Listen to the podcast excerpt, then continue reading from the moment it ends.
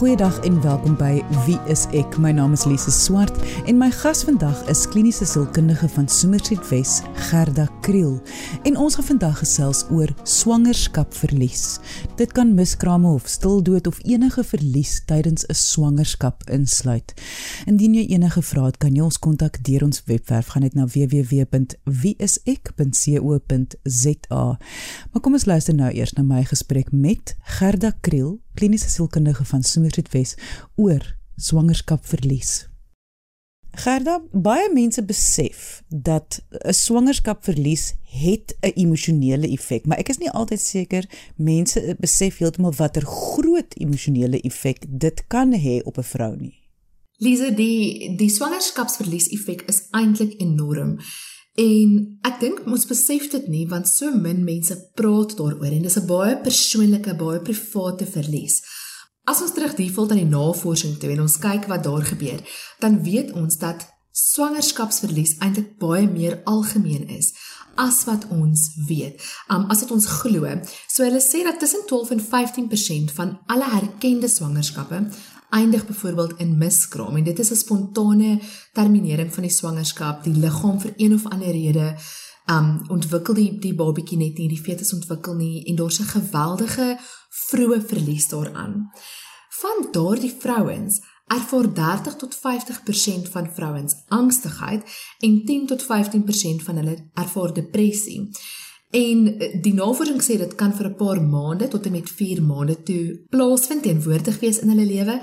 Maar ander navorsing sê vir ons weer dit kan tot en met 6 6 maande tot 2 tot 3 jaar na die tyd nog 'n negatiewe impak hê op iemand se geestesgesondheid, veral op 'n vrou se, alhoewel dit nie onalgemeen is om ook te besef dat mans dikwels sukkel met die ervaring van swangerskapsverlies nie.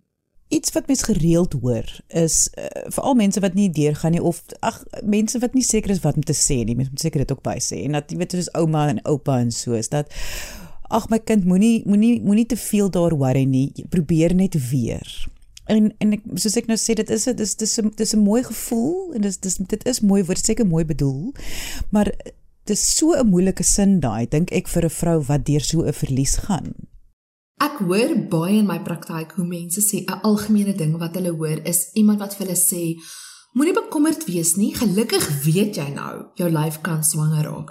Nou moet jy net weer probeer, spring sommer dadelik in, begin sommer dadelik weer probeer.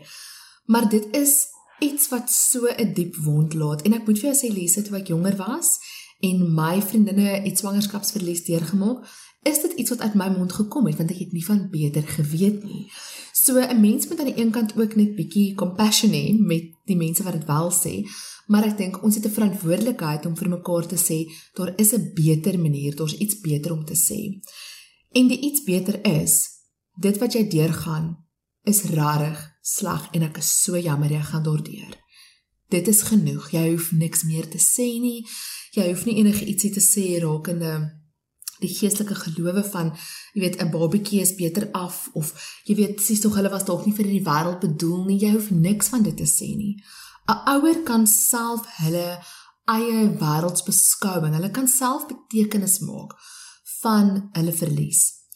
Ons werk om hulle te ondersteun is net om te sê weet jy wat jou verlies is eg dis genuine dis joune jy mag voel soos wat jy voel Gerda, hoe gereeld in jou praktyk kry jy dit dat vroue ek gaan nou sê skuldig voel of voel dat hulle liggaam ehm um, teen hulle gedraai het? Weet jy in my praktyk gereeld, ek moet myself herinner dat nie almal wat swangerskapsverlies het, kom by 'n terapeut uit nie. Maar almal wat my kom sien hier, is op 'n punt wat hulle angs of die depressie so ernstig geraak dat hulle besluit het om uit te reik om iemand te sien om dit te verwerk. En meeste van hulle, ek sal sê 90 tot 95% van vroue voel dat op 'n manier het hulle iets gedoen. Hulle vra vir hulle self, weet, is dit daai stukkie sushi wat ek geëet het voordat ek geweet het ek is swanger? Is dit my gene wat sleg is?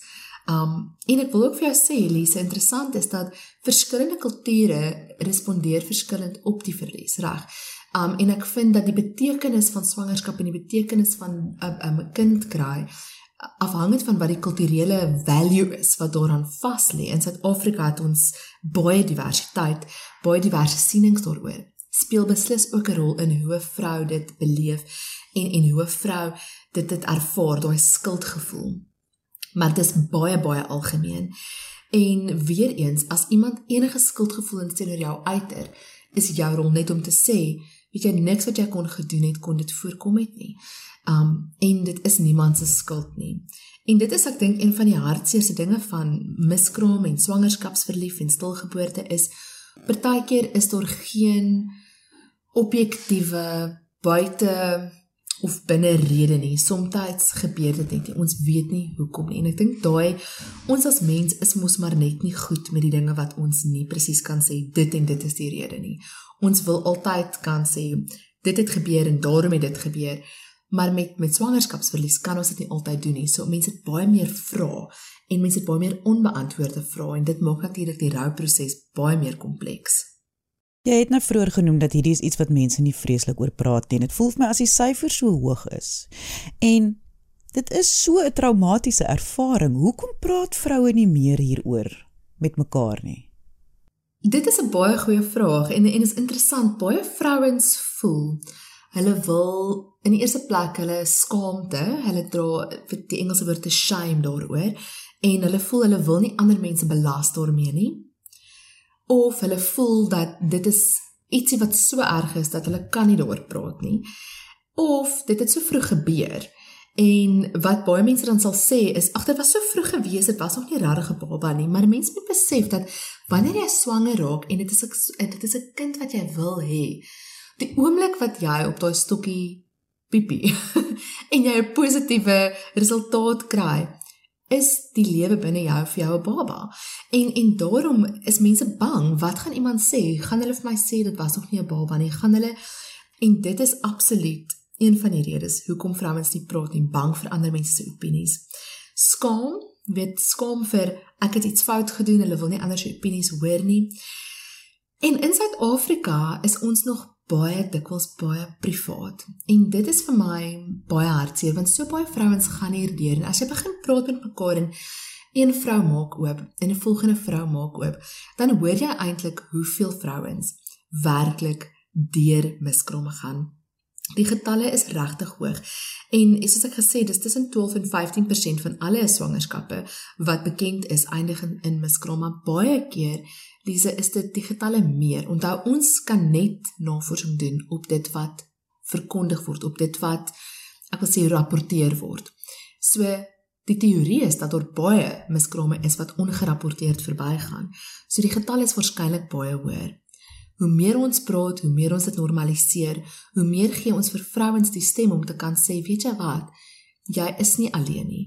En dit maak dat vrouens makliker praat.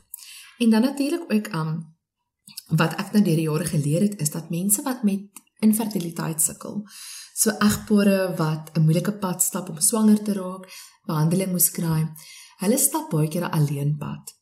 Want die eerste paar keer praat jy met mense, maar dan daarna raak jy moeg vir die vrae en jy raak moeg daarvoor om vir mense te sê dit het nog nie realiseer nie.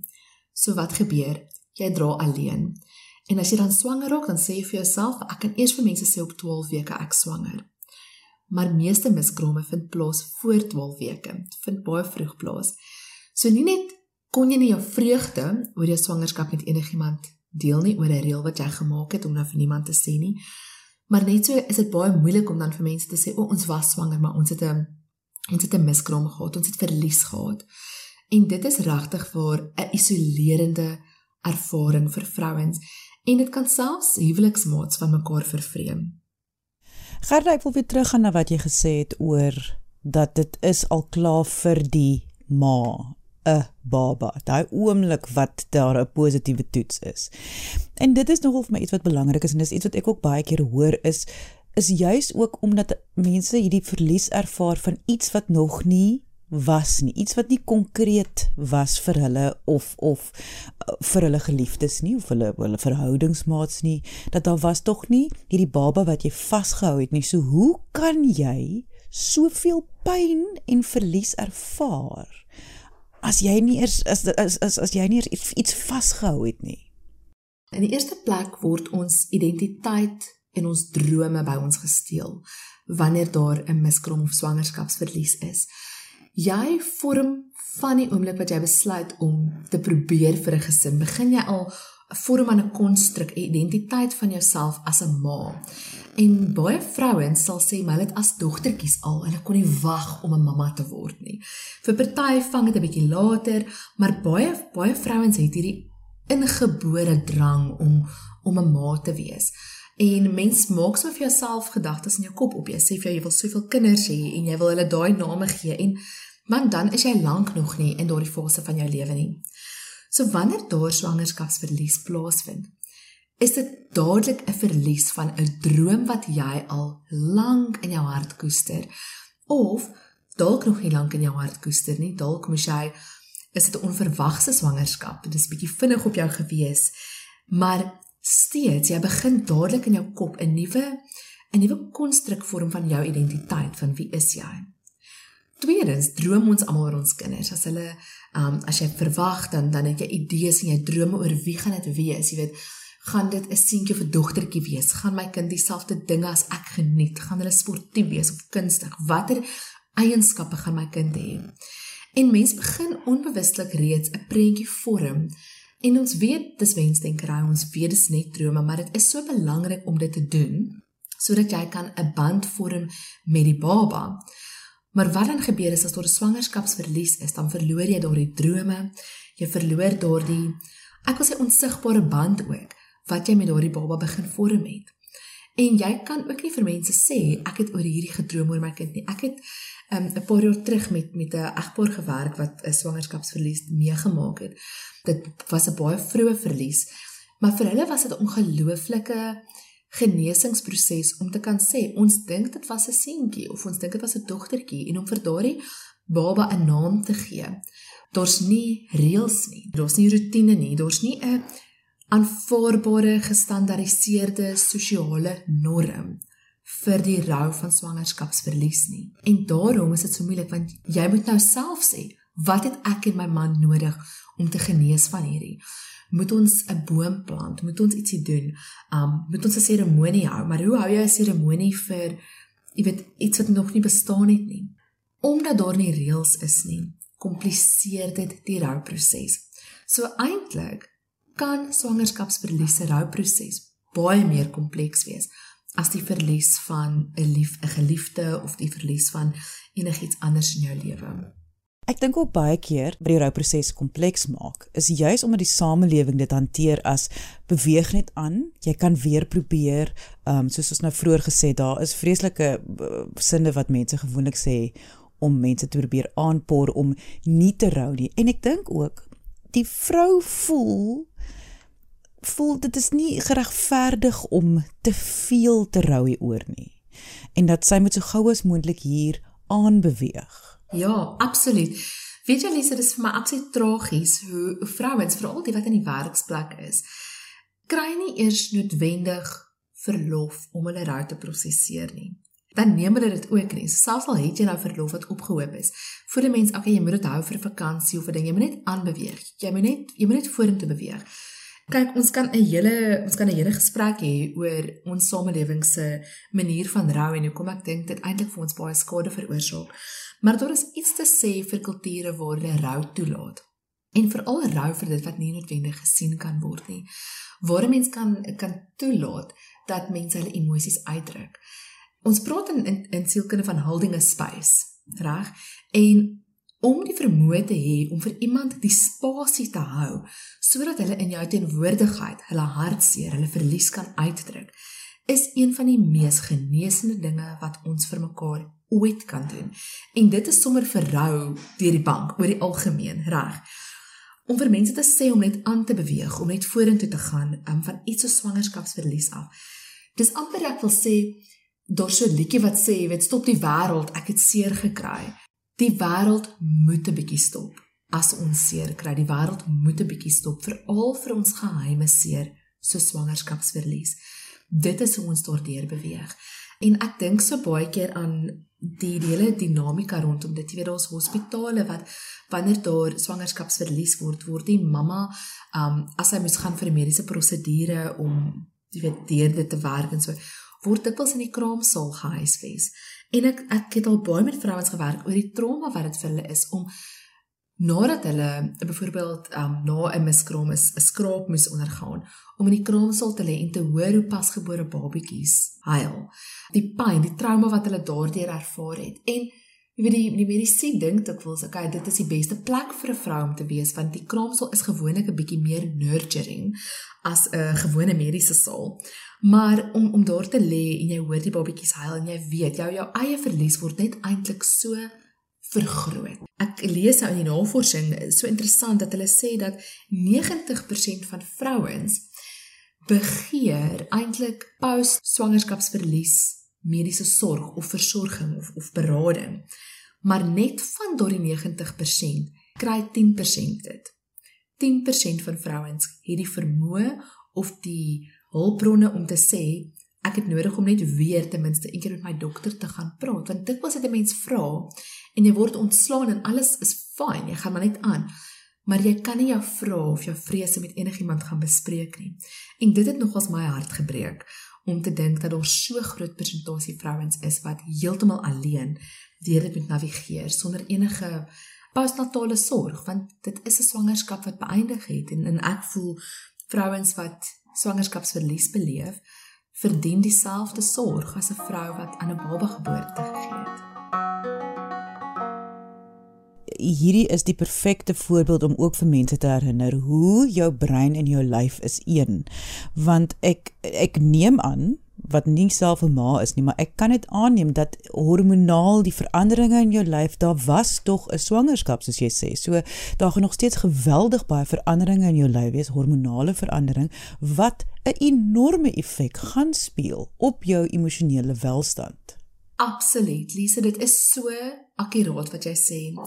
En wanneer 'n mens nie die krag van dit was 'n ware swangerskap, jy het regtig te teer gegaan nie kan ons baie vinnig baie hard op ons liggame wees. Maar ons moet onthou dat reg by die begin van swangerskap begin daar 'n geweldige hormonale proses in 'n vrou se liggaam. En wanneer 'n swangerskap eindig, dan is daar weer 'n hele omeswaai. Daarom gaan jy emosies hê en jy gaan gevoelens hê en jou liggaam gaan reageer op 'n manier wat hy nie normaalweg doen nie. Want jou liggaam is deur 'n trauma. En om net stil te gaan staan en dit te besef en om jouself bietjie grace te gee met dit is ongelooflik belangrik. Maar baie vrouens doen dit nie. Baie vrouens spring op uit die bed uit, begin weer oefen soos altyd en sê dan vir hulself, ek weet nie wat gaan aan met my nie. Wat is fout met my? Ons praat op so 'n manier met onsself dat die fout lê by my. Hoekom kan ek nie net cope en aangaan nie? En ons kyk om ons rond en ons sê maar daai een het net aangegaan of daai een het net aangegaan. Dis en ek ek wil op daai punt sê, dis vir my belangrik om om net dat die luisteraars besef dat vrouens elkeen het 'n ander manier van dit verwerk, reg? En een van die swangerskapsverliese wat 'n mens dit wil skry, is dat daar nooit 'n fetus gevorm het nie. So daar is met ander woorde 'n vrugsakkie, maar daar daar is nie enige viable selletjies daar binne nie. So enige lewensvatbare selletjies daar binne nie. Hulle praat ook dikwels dan net van 'n blighted ovum. So dit is net 'n eiersakkie, maar daar's nie daar is nie ehm, 'n um, fetus oor in nie. Dit word gesien as 'n as 'n miskraam, maar sommige vrouens ervaar dit as okay, goed, nee wat, dit is medies en dit is okay. Daar was nooit lewe gewees nie, daar was nooit noodwendig enige verandering wat plaasgevind het nie en hulle kan daarby berus. Reg, so die liggaam reageer soos 'n normale swangerskap, maar daar is net nie 'n lewensvatbare fetus nie. En dan ander kere is wanneer die fetus se ontwikkeling staak. Dit kwalifiseer as as 'n regte miskraam, moet ek so te sê. Maar ek wil regtig net vandag sê dat alle swangerskapsverlies is verlies. Daar is nie een wat meer is of minder is nie. As jy op 4 weke uitgevind het jy is swanger en die dag daarna het jy 'n miskraam gehad, dan is jou verlies toelaatbaar. Dis reg. Maar net so as jy lank deur jou swangerskap gegaan het en jy het miskien 'n stilgeboorte gehad vanaf 6 maande of op, dis ook 'n verlies. Een verlies is nie groter as 'n ander verlies nie, maar ons ongemak om daaroor te praat, ons ongemak om dit 'n naam te gee om dit toe te laat. Dis dikwels waar die probleem lê. Waar is die lyn? Daar is nou die verlies, daar is die rou. Iemand gun hulle self die rou of dalk nie, maar daar is 'n sekere punt waar hulle begin voel goed, dit is besig om my lewe oor te neem. Ek is nou nie meer seker mag ek nog rou, mag ek nog so voel en dalk wil ek nie so voel nie en ek weet nie hoe om nou hier oor te kom nie. Waar lê daai area, grys area? Soos met meeste geestesgesondheidskwessies, lê dit by wanneer dit jou funksionering begin affekteer. Reg. So jy kan byvoorbeeld nie normaalweg funksioneer nie. Die depressie of die angs begin so inbrok maak op jou lewe dat jy uiteraard nie meer dieselfde persoon is as wie jy was voordat jy die swangerskapsverlies beleef het nie. En dan is dit altyd goed om te sê, goed, ek het nou professionele raad nodig. Ek het nodig om hierdie te gaan verwerk in 'n veilige spasie en 'n veilige omgewing. Hoekom wil ons dit verwerk, Lise? Eerstens, ons wil almal weer terugkeer na ons normaal baseline funksionering. Maar tweedens is Ons weet dat onverwerkte swangerskapsverlies lei tot geweldige geestesgesondheidsprobleme in opvolgswangerskappe. So kom ons sê jy het dalk reeds een kind. Dan het jy swangerskapsverlies en dan raak jy daarna weer swanger.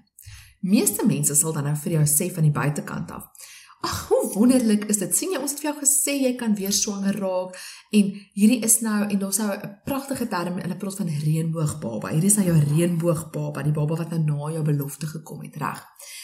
Nou, as jy nie effektief die swangerskapsverlies tussen jou twee kinders verwerk het nie, het jy 'n groter kans om angstigheid en depressie te beleef tydens jou opvolgswangerskap, die lewensvatbare swangerskap reg. Dit kan vir jou moeilik wees om met daardie baba 'n band te vorm want jy is die heeltyd bang vir die verlies.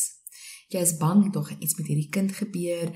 Jy is bang daar gaan dalk na die geboorte iets fout wees met die kind. Jy sukkel om 'n band met hierdie baba te vorm of heeltemal te band, reg? En daardie bindingsprobleme het nou weer 'n lewenslange impak op daardie kind en op jou en op daardie kind se verhouding. So dit is so belangrik vir jouself en vir jou kinders wat jy nog dalk nog nie het nie of wat jy dalk in die toekoms gaan hê dat jy jou swangerskapsverlies verwerk en verwerk lyk vir almal anders. Verwerk beteken nie vergeet nie. Verwerk beteken jy kan onthou sonder dat dit inbreuk maak op jou daaglikse funksionering op 'n manier waarmee jy gemaklik is en wat kultureel aanvaarbaar is binne die kringe wat jy beweeg. Dan moet jy 'n manier vind wat werk vir jou en jou gesin en jou huweliksmaat sodat julle saam daardeur kan werk. En dit was kliniese sielkundige van Somerset Wes, Gerda Kriel. Indien jy enige vrae het, kan jy ons kontak deur ons webwerf gaan net na www.wieisek.co.za of kom gesels saam op ons Facebookblad onder wieiseksa. Dankie dat jy vandag ingeskakel het. Ons maak weer so. Volgende Vrydag, 12:30 net hier op RSG. Jy moet 'n heerlike naweek hê he, en onthou, kyk mooi na jouself.